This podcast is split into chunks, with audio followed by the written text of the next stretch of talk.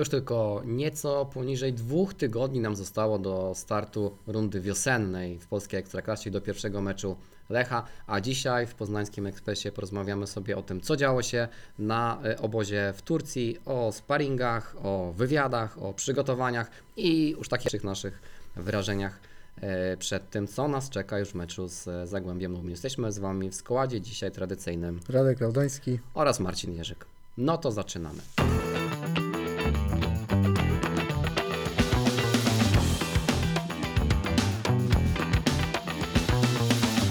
Dobry wieczór i e, dzień dobry. W zeszłym tygodniu e, krótka przymusowa przerwa, ponieważ problemy zdrowotne nas zatrzymały e, w domach. Dzisiaj troszeczkę nam się pozmieniał harmonogram. Wyjątkowo w tym tygodniu, wyjątkowo w tym tygodniu takim, który jest tygodniem bez meczu Lecha, jesteśmy w składzie dwuosobowym bez gościa, ale obiecujemy, że postaramy się, żeby zorganizować kogoś wyjątkowego, specjalnego, też takiej specjalnej okazji, która w tym tygodniu się wydarzy. Jeśli ktoś śledzi to, co się dzieje e, wokół Lecha, to może to będzie jakaś podpowiedź, kto e, do nas e, zajrzy w przyszłym tygodniu, ale tym czasem e, w dwójkę porozmawiamy o tym, co działo się w Turcji, no i o tym, co powiedziałem przed chwilą w zapowiedzi odcinka. Drużyna wróciła już do Poznania, rozpoczęła przygotowania już e, na obiektach przy e, Bułgarskiej. Jeszcze jeden sparring Lecha przed meczem z Zagłębiem Lubin e, czeka. To będzie mecz z Wisłą Płock, chyba mm, 3 lutego zdaje się będzie rozgrywany. Nie mam pewności, czy ten mecz będzie otwarty dla mediów, dla kibiców to pewnie nie, ale dla mediów nie pamiętam, czy będzie mecz Też otwarty. jeszcze nie wiem, będę się tam Okej. dowiadywał w tej sprawie, ale wiem na pewno, że po powrocie z Turcji teraz już piłkarze wrócili, ma być e, jednego dnia Media Day, zobaczymy kiedy on będzie, może też być tak, że nie, w dniu sparingu on raczej nie będzie, bo piłkarze raczej po sparingu będą udzielać wywiadów, ale mam wrażenie, że jakoś te aktywności będą połączone, albo chwilę po tym sparingu, albo chwilę przed, ale wydaje mi się, że może nie być otwarty ten sparring, bo często jest tak, że, te, że te ostatnie sparingi takie dla trenerów są już e, zamknięte, żeby, żeby gdzieś tam oni sobie pewne rzeczy podejrzeli, nie chcą, żeby testować może różne, różne rzeczy taktycznie i, i nie chcą, żeby ludzie to oglądali. No widzieliśmy, że chociażby Lech, kiedy grał z Hertą Berlin, no, na przykład sparring, to też on był zamknięty dla mediów, chociaż teraz może być otwarty z tego powodu, że rywal Wisła Płock, no to jest jednak mimo wszystko inny niż Herta. Widzieliśmy, że ten mecz z Szachtarem był otwarty. No jeszcze nie wiemy, jakie podejście ma trener Rumak. Nie wiemy właśnie, czy e, tak jak na przykład trener Skorża lubił ten ostatni, e, zresztą trener Van Brom także lubił ten ostatni sparring rozgrywać właśnie za zamkniętymi e, drzwiami, nawet bez e, dostępu mediów. No tak jak tutaj Radek wspomniał, to taka trochę próba generalna już e, przed pierwszym meczem ligowym. Taki mecz, który być może da nieco więcej odpowiedzi niż te sparingi, które były rozgrywane w Turcji. No bo oczywiście tak, stara prawda, którą trochę trzeba przypomnieć, jak się przynajmniej spojrzało na emocje, które te wyniki wywoływały chociażby na, na Twitterze, no to tak trochę od ściany do ściany, tak? No bo e, porażka z Lincem, później zwycięstwo z Mariborem i znowu porażka e, z Szachtarem Donieck, e, więc można było e, dosłownie, jak to, jak to często bywa w kibicowaniu Lechowi, chodzić sobie od ściany do ściany, ale podkreślmy to bardzo mocno wyraźnie, bo wiadomo, że w emocjach czasem się o tym zapomina. Wyniki sparingów nie mają żadnego przełożenia na to, co będzie się działo w rundzie wiosennej e, ekstraklasy. Natomiast można próbować wyciągnąć pewne wnioski nie z samego wyniku, ale z tego, w jaki sposób e, drużyna grała. Oczywiście tu też biorąc pewne poprawki na to, no, że chociażby e, ten mecze z Mariborem i z Szachtarem były rozgrywane tego samego dnia i drużyny oczywiście w związku z tym były w różnych ustawieniach, chociażby w tym meczu z Mariborem tam było testowane zupełnie nowe ustawienie, takie w jakim Lech jeszcze jesienią chociażby nie grał, tam graliśmy bez klasycznej szóstki i tam taka, e, taka główna e, pozycja, główna rola e, to była na, na, na głowie Niki Kwekweskirego i bardzo dużo od, od niego w tym meczu zależało. I gdybyśmy szukali sobie takich piłkarzy, którzy wygrali to zgrupowanie. Pewnie Kwekweskiri byłby jednym z tych e, piłkarzy, przynajmniej biorąc pod uwagę to, jak pokazał się właśnie przeciwko e, Mariborowi, no ale też kilku młodych piłkarzy wypadło dobrze, Cornel Lisman e, i pewnie jeszcze tutaj kilku będziemy sobie e, w trakcie tej audycji e, wymieniać. No to Radku, e, Twoje spostrzeżenia właśnie nie o wynikach, ale o tym, jak drużyna się prezentowała e, w e, tych meczach, no i być może e, jakieś udało Ci też wnioski wyciągnąć z tego, co widzieliśmy w kulisach z samych treningów. No Też uważam, że tak naprawdę te sparingi nie są od tego, żeby patrzeć na wynik, jaki w nich był, no bo chociażby ten pierwszy mecz z tym Las Linz, no Lech grał wtedy pierwszy sparring, dopiero co rozpoczął przygotowania, a zespół Lask już grał bodajże trzeci chyba mecz To był ostatni sparring przed- Ostatni przed- sparring przed już było widać, że już kończyli powoli ten swój obóz w Turcji, no i było widać, że ta drużyna z Austrii piłkarsko była o klasę lepsza w tym meczu, że tak naprawdę wszystkie jakby takie rozwiązania piłkarzy Lecha Poznań były łatwo przez nich przewidywane i to był taki mecz, gdzie gdzieś tam nie mogliśmy się za bardzo nacieszyć grą. Wtedy miałem wrażenie tylko, że Afonso Souza dobrze odnajduje się w tym sparingu, że gdzieś tam piłka go szuka, że chce sam decydować o wielu takich rozwiązaniach i wygląda na takiego piłkarza, z którego Lech może mieć w przyszłości użytek. Tak samo było później w tych kolejnych sparingach i mam wrażenie, że tak jak rozmawiałem z trenerem Rumakiem, widziałem to, co się dzieje na sparingach, że gdzieś tam rola Afonso Souzy może wzrosnąć u tego trenera, że gdzieś tam to podejście do tego piłkarza może być zupełnie inne niż u Johna Van Den Broma i myślę, że to jest też taki piłkarz, co do którego możemy mieć największe nadzieje co do rundy wiosennej, że to może być taki game changer, że jak ten Souza złapie formę, że Lech w środku pola wygląda lepiej.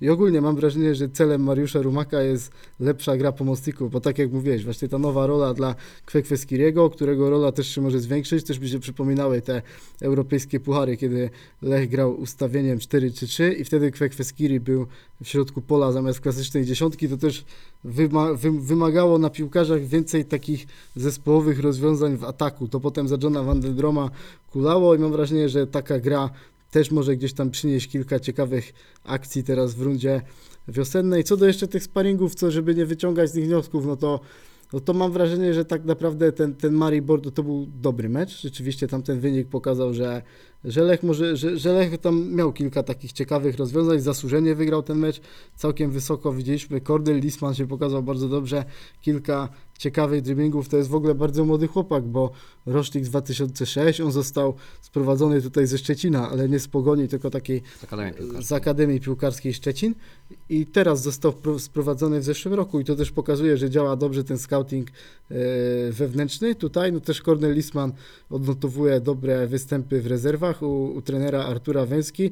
Mam wrażenie, że to jest taki piłkarz, którego warto obserwować. Pewnie czeka go teraz trochę gry w rezerwach, następnie będzie ten kolejny etap, czyli wypożyczenie do, do pierwszej ligi, no i gdzieś tam potem wejście do Lecha to pewnie nie, nie szybsza perspektywa niż, niż 2-3 lata w przypadku tego zawodnika, ale pokazał, że może być na pewno interesującym przykładem i, i widząc takiego Cornela Lismana też możemy złapać takiego dobrego zdania o, o tej Akademii Lecha Poznań.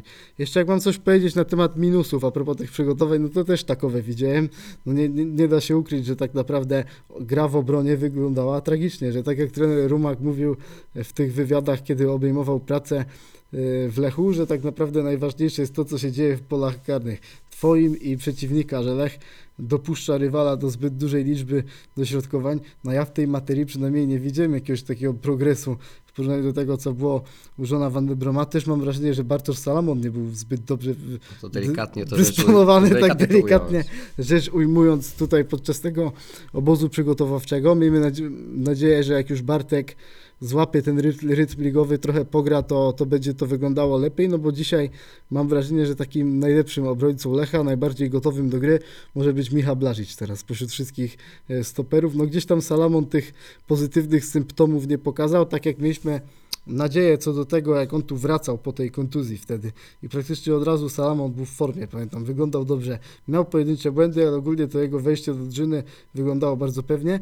Tak teraz ten mecz z Radomiakiem i teraz, e, i teraz te sparingi no, gdzieś tam nie przynoszą optymizmu co do Bartosza Salamona, no ale zobaczymy jak to będzie wyglądało w lidze.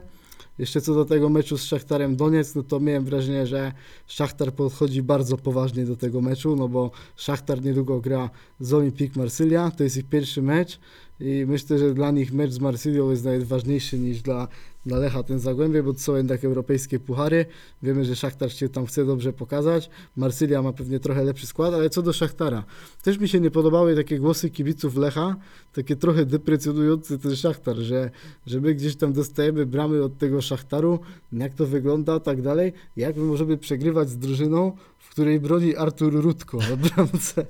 No a ja tak sobie pomyślałem, że tak naprawdę Szachtar to jest ogromna jakość. No oni tak naprawdę tylko ponad, y, tylko podczas tego okna transferowego mają wydać 30 milionów No euro na wzmocnienia, no co w skali Lecha Poznań to jest jakaś No tego nie, astronomiczna nie nazbieramy w parę lat. W parę lat tyle Lech nie wyda na transfery. No, daj Boże, jeśli w ciągu dekady uda się tyle wydać na, na transfery. I jeszcze co do Szachtara Donetsk, no to wiemy, jaki to jest klub, ile on osiągnął w ostatnich latach, jacy piłkarze tam grają zarówno z Ukrainy, na przykład tacy jak, jak Sudakow, jak i ten zaciąg brazylijski, też sprzedany chociażby Mudryk za, za ogromne pieniądze do Chelsea. No i Szachtar ogólnie jest takim klubem, który no jest dzisiaj kilka długości przed Lechem i możemy tak mówić, że, że gdzieś tam liga, liga ukraińska może tracić na, na wartości teraz przez wojnę i tak dalej, ale fakt jest taki, że Szachtar i Dynamo są takimi klubami, że mimo tych wszystkich złych okoliczności się dobrze trzymają. Szachtar też grał ostro, podszedł do tego meczu na 100%,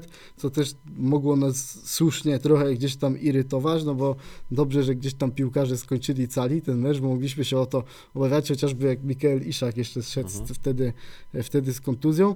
No więc to pokazuje, że jak Szachtar podszedł do tego meczu na poważnie, no to trzeba na tego rywala spojrzeć trochę szerzej niż przez fakt, że akurat bronił wtedy Artur Rutko. No chciał go trener sprawdzić, nie bronił bramkarz podstawowy, no ale to nadal nie, nie jest taki czynnik, żeby przez ten pryzmat oceniać Szachtar Donetsk jako całość. Lech w tym meczu zagrał dobre pierwsze 20 minut, wtedy gdzieś tam mam wrażenie, że się nie przestraszył tej drużyny, wyszedł wysokim pressingiem, parę takich ciekawych rozwiązań było. Chris Welde na pewno się bardzo dobrze czuł w grze przeciwko Szachtarowi, co też mówi dużo na temat tego piłkarza, że, że to może być gracz, który naprawdę odejdzie stąd za duże pieniądze i da jeszcze dużo radości w tej rundzie wiosennej, bo to jest piłkarz, który po prostu przerasta tego Lecha Poznań. Widzisz Lecha z takim Szachtarem, różnych piłkarzy i widzisz, że ten Szachtar dobrze gdzieś tam blokuje te wszystkie strefy, piłkarze Lecha zespołowo nic mogą zrobić, a tu wchodzi taki Welde, mija kilku rywali, gdzieś tam czuje się jak ryba w wodzie przeciwko taki, takiemu rywalowi jak, jak Szachtar Donetsk. No po prostu po, to pokazuje z jakiej skali talentem mamy do czynienia, no i, i mam wrażenie, że Welde jeszcze da tutaj sporo radości, a, a latem odejdzie tutaj za całkiem pokaźną sumę. Tak, no i to co po- wspomniałeś, e, że odejdzie latem i to jest kolejna dobra wiadomość, e, że wszystko wskazuje na to, że Christopher Welde zostanie w Lechu na rundę wiosenną. Jak pojawiła się ta informacja o tej ofercie z Nicei, no to można było mieć e, sporo obaw, no bo jednak e, porównując ofertę z Ligue 1 i ofertę e, z Ligi Tureckiej, to jednak jest różnica nie tylko e, finansowa, ale przede wszystkim jeśli chodzi o e, czynnik e, czysto sportowy, więc to można było mieć wątpliwości, czy Norweg e, jeszcze przywdzieje koszulkę Lecha. Na szczęście wszystko wskazuje na to, że tutaj zdecydowana reakcja e, szefostwa Lecha sprawiła, e, że e, Christopher Welde e, zostanie w e, Poznaniu jeszcze na te pół roku. E, No i pewnie wtedy mm, o to pozostanie jego na dłużej będzie już e, trudniej, ale jeszcze e, e, trzy zdania, e, a może nieco więcej, ale e, już w, nieco krótszych e, słowach odnośnie tych meczów sparingowych i tego, jakie one mają e, znaczenie. Wyniki, no to Radek już wspomniał. Po pierwsze, no właśnie mecz z e, Lincem, no to e, na zupełnie innym etapie przygotowań były obie drużyny i to nie jest absolutnie żadna wymówka, bo to naprawdę e, jak drużyna najpierw pracuje nad e, motoryką i nad wydolnością, a już jest inna ekipa, która no, jest w zupełnie innym etapie przygotowań, to absolutnie nie da się tego e, w tym momencie e, porównywać. E, Tak jak Radek wspomniał, kompletnie nie rozumiem e, skąd takie głosy deprecjonujące e, Szachtor, no bo to w ogóle nie chodzi o to, czy to jest liga ukraińska, czy to jest liga białoruska, tylko chodzi o potencjał e, tej drużyny i o co ona tak realnie e, gra, tak? I e, też, tak jak Radek wspomniałeś, e, Szachtor miał rzeczywiście e, bardzo poważne podejście do, do tego meczu e, sparingowego. Na pewno nie chodziło o to, aby z ich strony, żeby ten mecz e, za wszelką cenę wygrać, tylko żeby po prostu zagrać jak najlepsze e, zawody. No pamiętajmy, mecze sparingowe, które są rozgrywane na e, takich obozach przygotowawczych, to jest jak, kolejna jednostka treningowa, szczególnie na samym e, początku. Możesz dać drużynie się wybiegać, możesz dać drużynie pograć e, z piłką, ale chodzi też o to, żeby nabrać nieco świeżości, nieco tego e, kontaktu e, z piłką. No i ten mecz z, e, z Mariborem, e, no, biorąc pod uwagę wynik, ale też jego e, przebieg, no to najlepsze e, spotkanie, ale też ze strony Lecha, no raczej należy spodziewać się, że to był drugi garnitur, no bo ten pierwszy, potencjalnie pierwszy skład był przygotowywany na mecz e, z drużyną e, z e, Doniecka. E, Z tych pozytywów, które można jeszcze wyciągnąć e, z tych e, meczów, to należy wspomnieć e, o tym, że wydaje się, że trener Rumak, ale też pewnie trener Wojtkowiak e, pracowali mocno nad stałymi fragmentami gry. I tutaj e, widać było pewną różnicę, bo tak jak było dużo zastrzeżeń jesienią do tego, że w zasadzie no nie wiadomo, czy Lech nad tymi stałymi fragmentami gry e, w ogóle pracuje, bo efektu na boisku nie było. Tak tutaj takie pierwsze efekty, szczególnie w tych e, stałych fragmentach ofensywnych było widać, natomiast no, gra w obronie już właśnie nieco bardziej szwankuje. Tych rozwiązań w ataku było, było więcej, tych takich mechanizmów tej powtarzalności w grze w obronie było niestety więcej. E, No i teraz a propos tego, co Radek wspomniał, że trener Rumak e, mówił, że najważniejsze jest to, co się rozgrywa e, w polu karnym. Tu można podyskutować sobie trochę, bo na przykład Pep Guardiola twierdzi, że najważniejsze jest to, co się dzieje do pola karnego, bo później sobie piłkarze już jakoś poradzą. On ma zupełnie inną koncepcję, że właśnie musimy zdominować środek pola, sprawić, żeby ta piłka weszła do ostatniej e, tercji boiska, a tam jak masz piłkarzy o odpowiednich umiejętnościach, no to tam oni sobie już w tym polu karnym e, poradzą. Być może jak prowadzisz Manchester City, to masz trochę inną perspektywę niż jak prowadzisz Lecha Poznań, bo jednak e, zachowując wszelkie proporcje i oddając no, tutaj uczciwość, no to wiadomo, że jednak różnica piłkarska jest po stronie drużyny z Manchesteru. No, tym niemniej widać, że no, pewna praca w tym aspekcie jest, jest prowadzona, no i te pewne braki e, się także w tych sparingach e, uwidoczniły. Radek mówił o Bartoszu e, Salamonie, no na ten moment tu nie ma złudzeń, on jest zmiennikiem dla Michy Bla, Blazicza, stoperem numer jeden jest Antonio Milic, który też całkiem sobie dobrze radził, co trzeba wspomnieć, że grał, jeśli dobrze pamiętam, przez jakiś e, fragment meczu z e, tym młodym stoperem e, Tomaszewskim i świetnie sobie radzili obaj, e, jeśli chodzi o wyprowadzenie piłki. To był ten mecz z Mariborem właśnie E, i do tego dobra współpraca także z Nikon Kwekweskirim. No natomiast e, Bartoszowi Salamonowi e, ewidentnie brakuje w tym momencie e, ogrania. E, i tak jak ten mecz z Radomiakiem nie był najgorszy w jego wykonaniu, no ale to jest taki zdecydowanie efekt świeżości, po prostu na tej świeżości wszedł, zagrał i, i runda się zakończyła. No tak tutaj e, ten rozbrat z piłką niestety jest widoczny, mimo tego, że oczywiście wiemy, że trenował indywidualnie, że był na Sardynii e, i tam, e, i tam ćwiczył sam, no ale to jednak mm, ten obóz pokazał, że e, to, to nie wszystko, no ale oczywiście wiosna jest przed nami długa, więc liczymy na to, że e, uda się Bartosza Salomona do tej dyspozycji e, optymalnej doprowadzić. No i kolejna rzecz, e, czyli lewa obrona. No tam też e, te e, braki, które są nam dobrze znane, e, się wciąż uwidaczniają, czy były widoczne.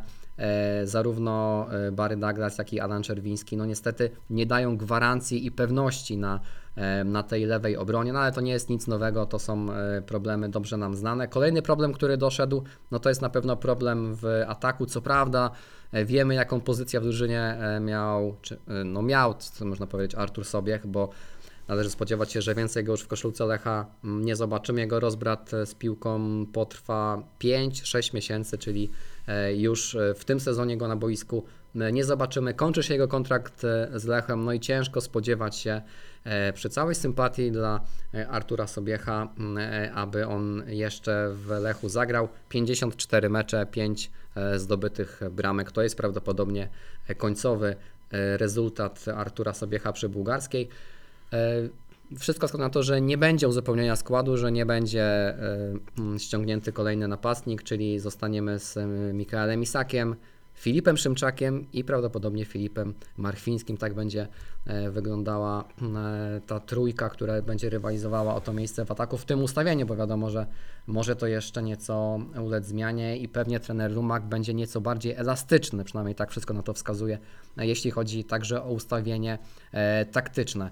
E, Wiele też się działo poza boiskiem i poza salami treningowymi, jeśli chodzi o wywiady, których udzielali piłkarze. Też chcieliśmy Wam e, się z Wami podzielić e, naszymi opiniami, naszymi uwagami na temat tego, co padło z ust kilku piłkarzy, między, inna, między innymi Afonso Sousy, Mikaela Isaka i jeszcze jeden teraz Dino Hotic. no właśnie, Dino Hoticia. To było, to było tych trzech piłkarzy, którzy kilka mocnych e, słów, szczególnie jak na piłkarzy Lecha, wypowiedziało do, do przedstawicieli mediów. Ja jeszcze kilka słów powiem a propos tych transferów, bo wiemy, że to jest temat, który mocno grzeje tutaj wszystkich w Poznaniu.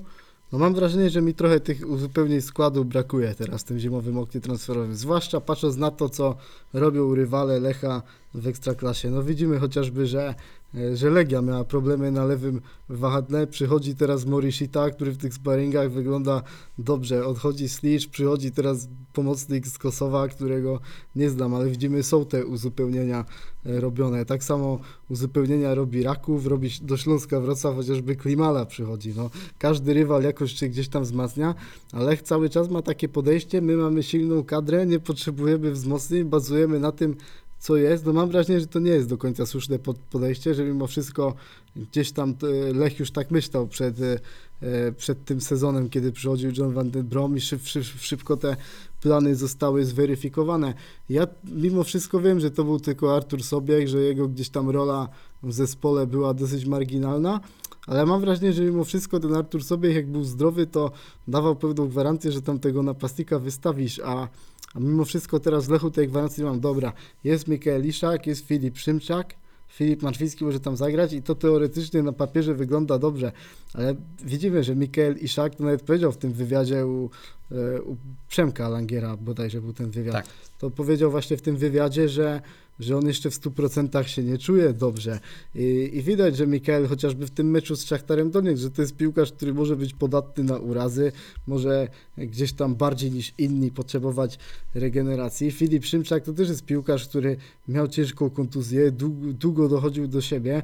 Jesienią jego forma nie była zbyt dobra. Widzieliśmy, że, że ten powrót do kontuzji nie jest łatwy i tak naprawdę Lech w tym ataku nie ma dzisiaj zbyt szerokiego pola manewru, a jeśli komuś się coś stanie, odpukasz, no to tak naprawdę no tutaj za chwilę się może zrobić gorąco. To samo dotyczy środka pola i, i to zwłaszcza w takim obliczu, jakby Lech chciał grać częściej tym systemem 4-3-3, no to wystarczy, że kontuzję łapie ci, ci któ- któryś z pomocników i sytuacja też robi się dosyć e, gorąca. Tak samo brakuje w Lechu takiej klasycznej dziesiątki, takiej, która weźmie ci, e, ci piłkę gdzieś tam weźmie ci piłkę, da ci dobre podanie z dobrym przeglądem pola, ale to jeszcze jestem w stanie zrozumieć, bo tu zagra Ali Golizadeh, na przykład jeszcze jest młody Dziuba, więc, więc tutaj akurat te pozycje rozumiem.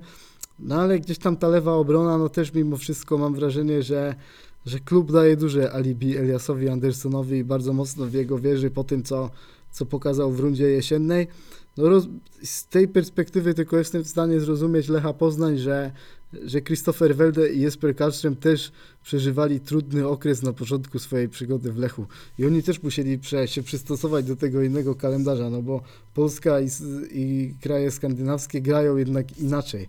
Ten system kalendarzowy wygląda dosyć odmiennie i mam wrażenie, że, że ta aklimatyzacja piłkarzy też trochę trwa. I to też jest w przypadku Eliasa Andersona, no ale mam wrażenie, że patrząc na to, jak on sobie radził w rundzie jesiennej, o jakie cele chce grać Lech Poznań, Barry, Dagr- Barry Douglas zagrał parę dobrych meczów w rundzie jesiennej, ale też to jest piłkarz, którego ta kartoteka kontuzji jest dosyć obfita w ostatnim czasie, kiedy, od czasu, kiedy wrócił do, do kolejorza. Więc mam wrażenie, że tutaj jest takie podejście trochę, dobra, my gramy tym, co jest, nic, nic się nie stanie. No, co mam, co, Co może się tak, wydarzyć? co może się wydarzyć i gdzieś tam mi się to nie podoba trochę, no bo uważam, że taki klub jak Lech, klub z aspiracjami, żeby gonić ten Śląsk Wrocław, gdzieś tam próbować zdobyć to Mistrzostwo Polski, jest te 8 punktów straty, no powinien gdzieś tam myśleć dwa kroki kroki do przodu, a tutaj mi tego brakuje. Jakbym miał tak zdefiniować te wszystkie pozycje transferowe, które uważam, że dzisiaj są największymi priorytetami, to uważam, że transfery powinny być zrobione dwa teraz, podczas tego okna i to jest lewy obrońca i to jest jeszcze jeden pomocnik. Gdzieś tam z tymi napastnikami jeszcze to jest do przeżycia, no ale gdzieś tam taka sytuacja, gdzie nie ma w ogóle tej świeżej krwi, a o tym często trener Skorża mówił, że gdzieś tam zawsze ktoś nowy musi wejść do zespołu, bo to jest taka nowa energia. No brakuje mi tego trochę w tym klubie, że każdy się wzmacnia w tej ekstraklasie, a Lech nie. Lech cały czas gdzieś tam robi, mam wrażenie, to samo i oczekuje innych rezultatów. Że to powiedzmy tylko tak, że oczywiście e, do końca okna transferowego jest jeszcze daleko, więc teoretycznie może nas klub czymś zaskoczyć, no ale właśnie zaskoczyć, tak? I gdybyśmy my patrzyli ze swojej perspektywy, ale oczywiście to nie są nasze pieniądze, nie my, nie my będziemy je e, e, wydawać, ale jak będziemy sobie, jak sobie spróbujemy przeanalizować e, sytuację kadrową Lecha, no to jesteśmy zgodni co do tego, że sprzedałyby się po pierwsze wzmocnienia, a po drugie właśnie to, co wspomniał Radek, jakieś takie nowe ogniwo, być może jakiś nowy impuls do, do, do działania. No jest kilka newralgicznych pozycji, które mogą budzić niepokój. No co prawda, tak jak mówisz, teoretycznie e, ta sytuacja w ataku jest mniej czy bardziej zabezpieczona, no ale w momencie, kiedy Mikael Isak e, schodził z urazem w meczu e, z Szachtarem, no to na pewno serca zabiły mocniej. Dopiero komunikat po paru dniach, po badaniach w Poznaniu, że wszystko jest ok i nasz kapitan będzie normalnie trenował z drużyną, troszeczkę sprawił, że kamień spadł wszystkim z serca, ale no tak naprawdę no, nikt nie da Ci gwarancji, że, że ta trójka napastników a przynajmniej chociaż jeden e, z nich dogra zdrowy. No tych meczów będzie, będzie sporo, będzie jeszcze Puchar Polski, już e, za niecały miesiąc gramy ten mecz z Pogonią Szczecin, więc no trochę tych meczów e, przed nami i też przed piłkarzami będą trochę w nogach mieli. No przydałoby się, żeby było jakieś zabezpieczenie, żeby było jakieś pole e, do rotacji, no bo pomimo tego, że e, my jesteśmy pozytywnie nastawieni do pracy trenera Rumaka, no to też on oczywiście powinien mieć jakiś materiał, no żeby chociażby móc jakieś zmiany e, w tym aspekcie e, wprowadzać. Zobaczymy, czy coś się tutaj e, wydarzy, no ale wiemy, że e, no z, różnych takich informacji, które trafiają z mediów, ale też z tego, jakie, jakie Lech generalnie ma podejście e, w e, tych oknach e, zimowych, że no raczej, raczej e, te wzmocnienia pewnie będą odłożone. E, No nic, e, zobaczymy jak to Pamiętam się... właśnie to legendarne okno zimowe tutaj w Lechu Poznań, kiedy e, sprowadzano tutaj Kalsztrema, Salamona, Milicia No tak. i tak naprawdę wtedy oni pamiętam cała trójka miała trudne wejście do tego zespołu, to, była, to był ten największy marazm z Dariuszem Żurawiem, ale gdzieś tam te trzy ruchy pokazały, że my już o tym sezonie mistrzowskim myślimy pół roku wcześniej i, i wtedy to działanie właśnie. Lecha Poznań mogło się podobać, bo to było takie myślenie długofalowe. No właśnie, bo to tak, tego troszeczkę teraz, teraz brakuje. E, No to jest pewnie też jakąś konsekwencją e, tego, że trener Rumak ma kontrakt na pół roku i pewnie e, tutaj sztab sportowy e, chce się przekonać, jak ta praca będzie wyglądała i no i nie buduje drużyny e, z jakąś taką dłuższą perspektywą, bo zakłada, że może się okazać, że w czerwcu, w lipcu już trenera Rumaka e, przy bułgarskiej nie będzie, pojawi się jakiś inny e, człowiek na jego miejscu, będzie chciał budować drużynę inaczej. E, No, bywało tak, że na przykład był ściągany piłkarz dla trenera, który później już nie pracował tutaj i okazywało się, że na przykład z Afonso Sousą tak było, tak? Ściągał trener Skorża jeszcze, czy był, był ściągany jakby na na życzenie trenera Skorży. Trener Van den Brom już niekoniecznie był jego zwolennikiem. No właśnie, to o tym mówił Afonso Sousa e, To jest w takie wywiadzie, płynne tak? przejście płynne do- przejście do do, tego, do kolejnego tego wątku tematu. z tymi wywiadami. No mam wrażenie, że gdzieś tam dawno nie, nie czytałem takich wywiadów z piłkarzami Lecha Poznań, jakie teraz mogliśmy przeczytać e, z tego obozu w Turcji, no bo gdzieś tam te wywiady z piłkarzami Lecha Poznań miałem wrażenie, że przyjęły taką mocno sztampową konwencję, że gdzieś tam każdy z piłkarzy, obojętnie kto, kto by to nie był, to już wypowiadał tak, idziemy do przodu, wszystko, wszystko jest dobrze, pracujemy ciężko na treningach, gdzieś tam nie były tak głęboko poruszane aspekty tych relacji, gdzieś tam mówienie, co nie funkcjonuje zbyt dobrze, też absolutnie nie wchodziło w rachubę. Trochę innym piłkarzem był Filip Bednarek, bo z nim rozmowy zawsze były ciekawe. On gdzieś tam zawsze mówił, co, co mu leży na sercu, no ale takich rozmów z piłkarzami Lecha bardzo mocno brakowało. i szczerze powiedziawszy, ogólnie mam wrażenie, że, ci, że często nie czytamy takich wywiadów, tak jak teraz ostatnio z Dino Hoticiem czy, czy Afonso Souzą, no, którzy mam wrażenie, że w takich ostrych słowach wypowiedzieli się o Johnie Van Den Bromie, o jego podejściu do pracy, o jego podejściu do, do taktyki. No dzisiaj wprost powiedział Afonso Sou- Souza, że tak naprawdę John Van Den Brom tak naprawdę taktyką się za bardzo nie zajmował i, i gdzieś tam Afonso Souza potwierdził te wiele hipotez kibiców, które gdzieś tam były snute przez miesiące, że John Van Den Brom nie miał pomysłu na tego piłkarza, że tak naprawdę on gdzieś tam go sadzał na ławce, że ta jego gra była taka nieregularna, nie mógł gdzieś tam rozwinąć tych skrzydeł pod nim. I dzisiaj wychodzi na, na wywiad Afonso Souza i to wszystko potwierdza, że, że tak rzeczywiście było. I w, słyszałem w tych wypowiedziach taki rzeczywisty żal do Johna Van der Broma, gdzieś tam ta, ta relacja się potoczyła. I, i ma, ale miałem wrażenie, że tak czytając tego Souzę, że, że to jest taki chłopak mimo wszystko z pasją, z taką dobrą energią, też z, z takimi jasno określonymi celami w Lechu Poznań. I on przy, le, przy lepszym trenerze może grać naprawdę lepiej, no bo to, to widać, kiedy piłkarz nie łapie chemii z trenerem, no to gdzieś tam ma ciężko, żeby pokazać te swoje umiejętności i Souza był doskonałym tego przykładem. Z kolei Dino Hotti zwraca uwagę na, na inny przykład, no to takie zbyt sielankowe podejście Johna Van der Broma, te słynne grille gdzieś tam, o których mówi się na Twitterze, no ale no rzeczywiście gdzieś tam uważam, że że tego luzu mogło być zbyt dużo, że na przykład tak jak był ten pierwszy mecz ze Spartakiem e, Trnawa, wygrany co prawda 2 do 1, ale Trnawa w końcówce strzela gola, gola, który pozwolił tej drużynie uwierzyć w siebie, a, a Dino Hotic powiedział, że John Van den Brom mówi w szatni, nic się nie stało, zagraliśmy dobry mecz, a, a trener gdzieś tam zawsze... Trenerzy, Cała szatnia jest wściekła. tak, a trenerzy słyną z tego, że gdzieś tam bardziej dmuchają na zimne i ja tak po tych wywiadach jeszcze mnie bierze taka, naszła taka refleksja, że tak naprawdę mówiliśmy o tym luźnym podejściu Johna Van den Broma, o tym, że on tak patrzy, patrzy na piłkarzy tak stricte relacyjnie, wiemy wszyscy o co chodzi, ale mam wrażenie, że tam to mogło pójść o tyle za daleko, że trzeba też rozróżnić granice między, między takim podejściem gdzieś tam skupionym na, na tym powiedzmy swobo- na tej swobodzie w wykonywanej pracy, tej dobrej atmosferze, a tym, żeby jakkolwiek tą pracę wykonywać, bo przepraszam bardzo, ale jeśli trener tak naprawdę nie zajmuje się, nie zajmuje się taktyką, no to co to jest za trener tak naprawdę? To ja tutaj widzę brak profesjonalnego podejścia do swoich obowiązków i, i to gdzieś tam mam wrażenie, że z ust Afonso Souzy i Dino Hoticia też taki przekaz między wierszami gdzieś tam był też przekazywany, że gdzieś tam John Van den Brom no mimo wszystko nie, nie podchodził do tej pracy, mimo wszystko tak jak, tak jak podchodzi trener, który chce wygrywać trofea, który chce zdobywać Mistrzostwo Polski, bo wiemy, że to wymaga wiele wyrzeczeń, dużo takiej specyficznej pracy z ludźmi, nawet mówił rzecznik klubu Maciej Henszel, pamiętam o Macieju Skorży, że tak naprawdę kiedy Lech przegrywał mecze za czasów Macieja Skorży, to on potrafił się przez 2-3 godziny nie odzywać do żadnych pracowników klubu, a tutaj mam wrażenie, i tu też czasami rozmawiałem z pracownikami klubu, że Lech na przykład przegrał jakiś mecz, a tak naprawdę my sobie myślimy, że John Van był jakiś wściekły, taki to jeszcze było przed tym okresem, gdzie on już wpadał takie, w takie furie medialne, ale, ale on tak naprawdę szybko przechodził do, do porządku dziennego i to trochę mam wrażenie za, za bardzo się to tam gdzieś uwypukliło. Też Mikael Iszak mam wrażenie, że się otworzył, powiedział o tej, o tej chorobie właśnie boreliozie, jak ciężko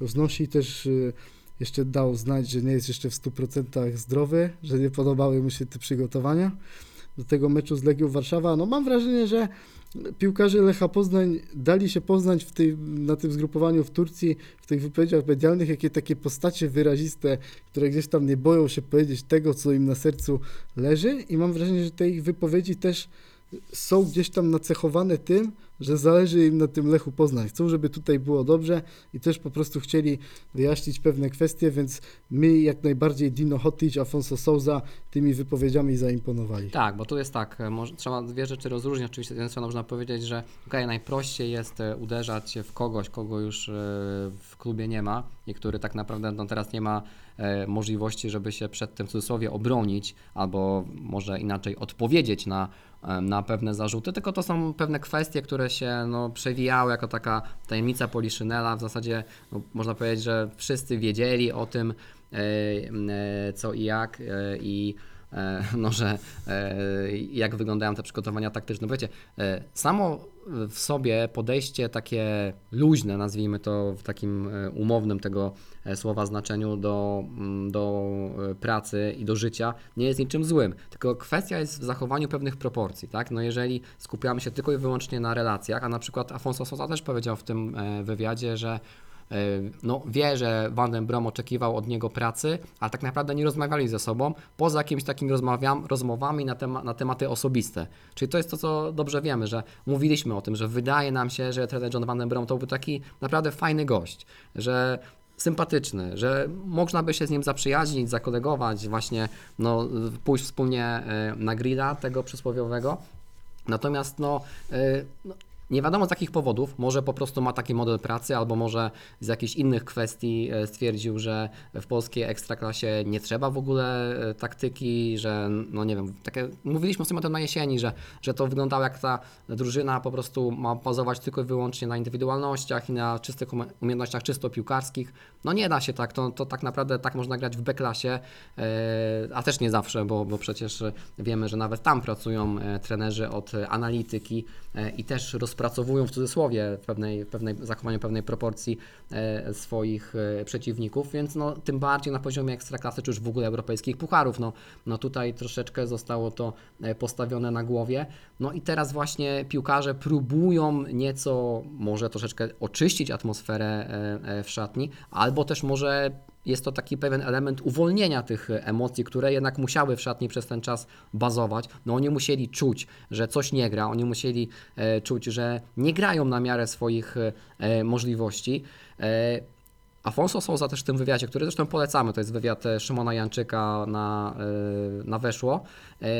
On tam mówi też chociażby o tym, że właśnie ta relacja jego, ale też mówi o całej drużynie z trenerem Rumakiem, została już nawiązana, że oni kupują ten pomysł trenera Rumaka, czyli właśnie chociażby te zajęcia taktyczne, że Mówił o tym y, Afonso Sousa, mówił też chyba o tym Dino Hotic, że y, piłkarz potrzebuje, żeby wiedzieć, jaki ma mechanizm, jaki ma schemat do wykonania. Że już nie mówię o tym, że mamy mieć 20 sposobów na wyrzucenie rzutu z autu, ale no, jak atakujemy, to ustawiamy się w określony sposób, jak bronimy, to i tak dalej, i tak dalej. To są takie, taki takie podstawy elementarza piłkarskiego, ale tego w Lechu przez ostatnie co najmniej pół roku nie było, więc dla piłkarzy to też tak naprawdę jest pewnego rodzaju uwolnieniem, że tak naprawdę teraz wreszcie wiemy, jak mamy grać, jak mamy się ustawiać, co mamy robić, w którym miejscu e, boiska e, być, w której strefie i tak dalej, i tak dalej. Oczywiście to jest teoria, Zobaczymy, jak to się przełoży na e, praktykę. E, Pierwszy taki e, egzamin to będzie ten mecz e, z Zagłębiem Lubin już e, 10 e, lutego przy Bułgarskiej. No, wszyscy na to bardzo czekamy, chcemy zobaczyć, e, jak to się e, przełoży. Natomiast no, to pachnie pewnym optymizmem, takim może delikatnym na razie, bo wiadomo, że to, co zobaczyliśmy w sparingach, no, nie, nasta- nie nastraja, nie nastawia aż tak bardzo hurra optymistycznie, ale spokojnie, spokojnie e, zachowajmy jeszcze troszeczkę spokoju przez te kilkanaście dni, no i spotkajmy się wszyscy w sobotę 10 lutego, e, ubierzmy się e, ciepło, rozgrzejmy się i potem nas, mam nadzieję, Lech e, rozgrzeje e, tą grą z Zagłębiem. e, Bywało różnie, ale ja jestem tutaj przed tym pierwszym meczem nadal, nadal optymistą. Trener Rumak mówi, że nas czekają same finały, więc no pierwszy finał już e, 10 lutego, już niedługo. Taką masz bluzę tematyczną i pod ten szachtar i pod to zagłębie dzisiaj tak, tak off topic, bo. Marcin w pomarańczowej bluzie dzisiaj tutaj siedzi. No miejmy nadzieję, że, że wynik z Zagłębiem będzie zupełnie inny niż, niż z Szachtarem, no bo w rundzie jesiennej ten mecz z Zagłębiem nie był zbyt lekki i przyjemny. Tak naprawdę ten mecz był zremisowany, ale to był taki szczęśliwy remis dla Lecha, bo jakbym miał w tym meczu wskazać lepszą drużynę, no to było to Zagłębie prowadzone przez trenera Fornalika. Pamiętam Filip Bednarek tam mimo tego, że zawalił tą jedną bramkę, to miał kilka takich znakomitych interwencji i bez tego na pewno byłaby porażka. No ale to Zagłębie mam wrażenie, że w tym sezonie też nieco zawodzi, no i to będzie taka przyzwoita rozgrzewka przed, przed tymi trudnymi meczami, no bo wiemy, że potem, potem czeka Lecha Śląsk, Jagiellonia, Raków, Pogoń w Pucharze Polski, już nie pamiętam w jakiej kolejności, Mhm. ale czeka nas po prostu ścieżka zdrowia. Tak jest. E, e, O tym będziemy rozmawiać w kolejnych e, tygodniach. Za tydzień potwierdzimy Wam jeszcze na pewno, mm, jaki będzie gość, czy będzie gość i o czym będziemy rozmawiać. Natomiast e, możemy zrobić taką krótką zajawkę. E, Jutro, 30 stycznia, bo nagrywamy w poniedziałek e, wieczorem, e, będzie uroczysta premiera filmu Okoń e, poświęconego oczywiście Mirosławowi Okońskiemu, film autorstwa e, Piotra Łuczaka. E, My z Radkiem będziemy jutro na tej uroczystej e, premierze i na pewno e, Wam coś w kolejnym wydaniu Poznańskiego Ekspresu opowiemy o samym filmie, ale też o, e, o, o kulisach e, e, tej, tej, tej premiery, bo ten film nie będzie pokazywany w kinach, będzie tylko właśnie raz na tej, na tej uroczystej takiej prapremierze czy przedpremierze, a później trafi do e, jednego z serwisów e, streamingowych, jeszcze nie wiemy, e, którego ta informacja na pewno pojawi się e, na dniach. No i będziemy starali się, żeby e, kolejny odcinek był poświęcony e, właśnie e, filmowi Okoń autorstwa e, Piotra Łuczaka, więc bądźcie z nami również za tydzień, bo na pewno będzie e, dużo ciekawego e, do opowiedzenia, do podzielenia się e, z Wami. Trochę się rozgadaliśmy, no ale tak to często bywa, jak siedzimy we dwójkę. Nie ma, nie ma meczu, a 40 No. minut, minut mija i tak. No także e, aż strach pomyśleć, co będzie, jak zacznie się runda wiosenna. No dobrze, to dzisiaj chyba będziemy już e, się z Wami e, żegnać. Dzięki, że spędziliście z nami te e, 40 minut. Życzymy Wam udanego tygodnia, chociaż jeszcze bez polskiej piłki. Jakoś to przeżyjemy, a my się usłyszymy z Wami za tydzień. Żegnamy się z Wami e, w tym składzie tradycyjnym. Radek Audański, I Marcin Jerzyk. Trzymajcie się, do usłyszenia, cześć. cześć.